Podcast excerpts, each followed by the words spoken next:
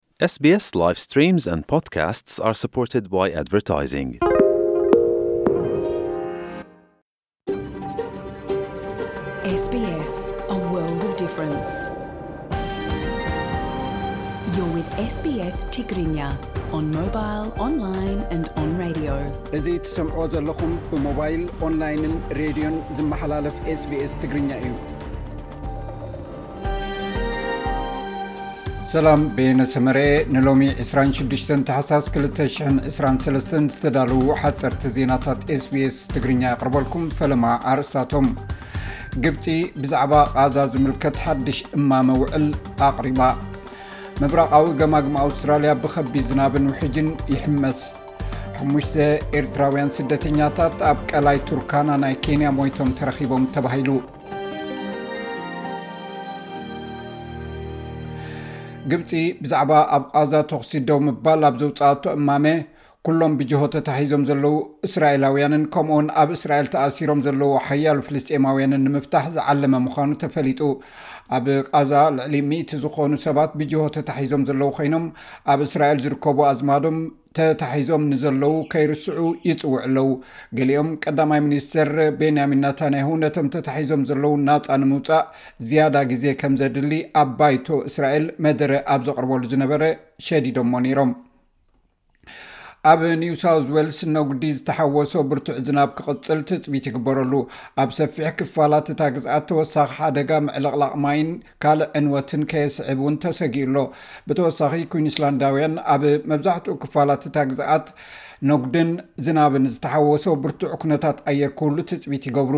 ኣብ ጎልድ ኮስት ኩንስላንድ ኣብ ሰዓት ሚእቲ ኪሎ ሜተር ዝሕምበብ ንፋስ ድሕሪ ምንፋስ ናይ ልዕሊ ሚእትን ዕስራን ሽሕ ስድራቤታት ሓይሊ ኤሌክትሪክ ክቋረፅ ተገዲዱ። እቲ ህቦብላ ልዕሊ ሰለስተ ሚእቲ ዓኑድ ሓይሊ ኤሌክትሪክ ዘውደቐ ኮይኑ፣ ሓንቲ ሰበይቲ ከኣ ኣብ ሄለንስቫል ብዝወደቐ ኦም ምስ ተወቕዐት ሞይታ።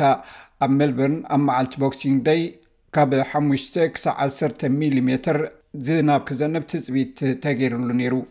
ሩስያ ንተቓዋሚ ፖለቲከኛ ኣሌክሲ ናቫልኒ ካብ ኣርክቲክ ዓንኬል ብሸነኽ ሰሜን ናብ ዝርከብ ገበነኛታት መቕጻዕቲ ዝቕጽዕሉ ቦታ ኣግዒዛቶ እቲ ኣይኬይ ሰለስተ ዝበሃል ናይ ገበን መቕጽዒ ስፍራ ኣብቲ ካብ ሞስኮ ብሸነኽ ሰሜን 1900 ኪሎ ሜትር ርሒቑ ዝርከብ ዞባ ያማል ነነት ኣብ ካርፒ እዩ ዝርከብ እዚ ካብቲ ኣብ ሩስያ ዝርከቡ ኣዝዩ ዝኸበደ መእሰሪ ቦታ ኮይኑ ኣብዚ ሰሙን መጠን ቁሪ ኣብቲ ከባቢ ናብ ትሕቲ ዜሮ 28 ዲግሪ ሴንቲግሬድ ክወርድ ትፅቢት ይግበረሉ። እስራኤል ንሓደ ላዕለዋይ ኣማኻሪ ሓለዋ ሰውራ ኢራን ብመጥቃዕቲ ኣየር ካብ ደማስቆ ርእሲ ከተማ ሶርያ ወፃኢ ከም ዝቐተለት ማዕከናት ዜና ኢራን ገሊፀን። ሳይድ ራዚ ሙሳቢ ተባሂሉ ዝፍለጥ ኣማኻሪ ሓለዋ ሰውራ ኢራን ነቲ ኣብ መንጎ ሶርያን ኢራንን ዘሎ ወተሃደራዊ ኪዳን ምትሕብባር ናይ ምፍፃም ሓላፍነት ዝነበሮ እዩ። ቴሌቪዥን ኢራን ኣብ መንጎ እቲ ብስሩዕ ዝፍኖ ዝነበረ ዜና ብምኹላፍ ሙሴቪ ከም እተቐትለ ኣፍሊጡ።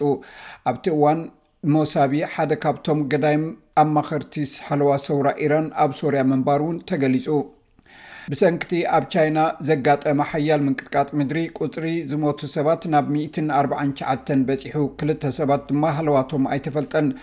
ብ ዓሰርተ ሸሞንተ ታሕሳስ ኣብ ሰሜን ምዕራብ እታ ሃገር ኣብ መንጎ ኣውራጃታት ጋንሱን ጊንግሓይን ኣብ ዝርከብ ኣኽራን ዝበዝሑ ቦታታት ሽዱሽተ ነጥቢ ክልተ ዝዓቖኑ ምንቅጥቃጥ ምድሪ እዩ ኣጋጢሙ።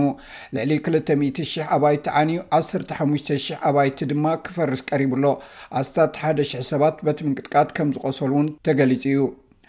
ሓሙሽተ ኤርትራውያን ስደተኛታት ኣብ ቀላይ ቱርካና ናይ ኬንያ ሞይቶም ከም እተረኽቡ ነበርቲ እቲ ከባቢ ንቢቢሲ ከም ዝገለጹሉ እቲ ማዕከን ዜና ጸብጺቡ።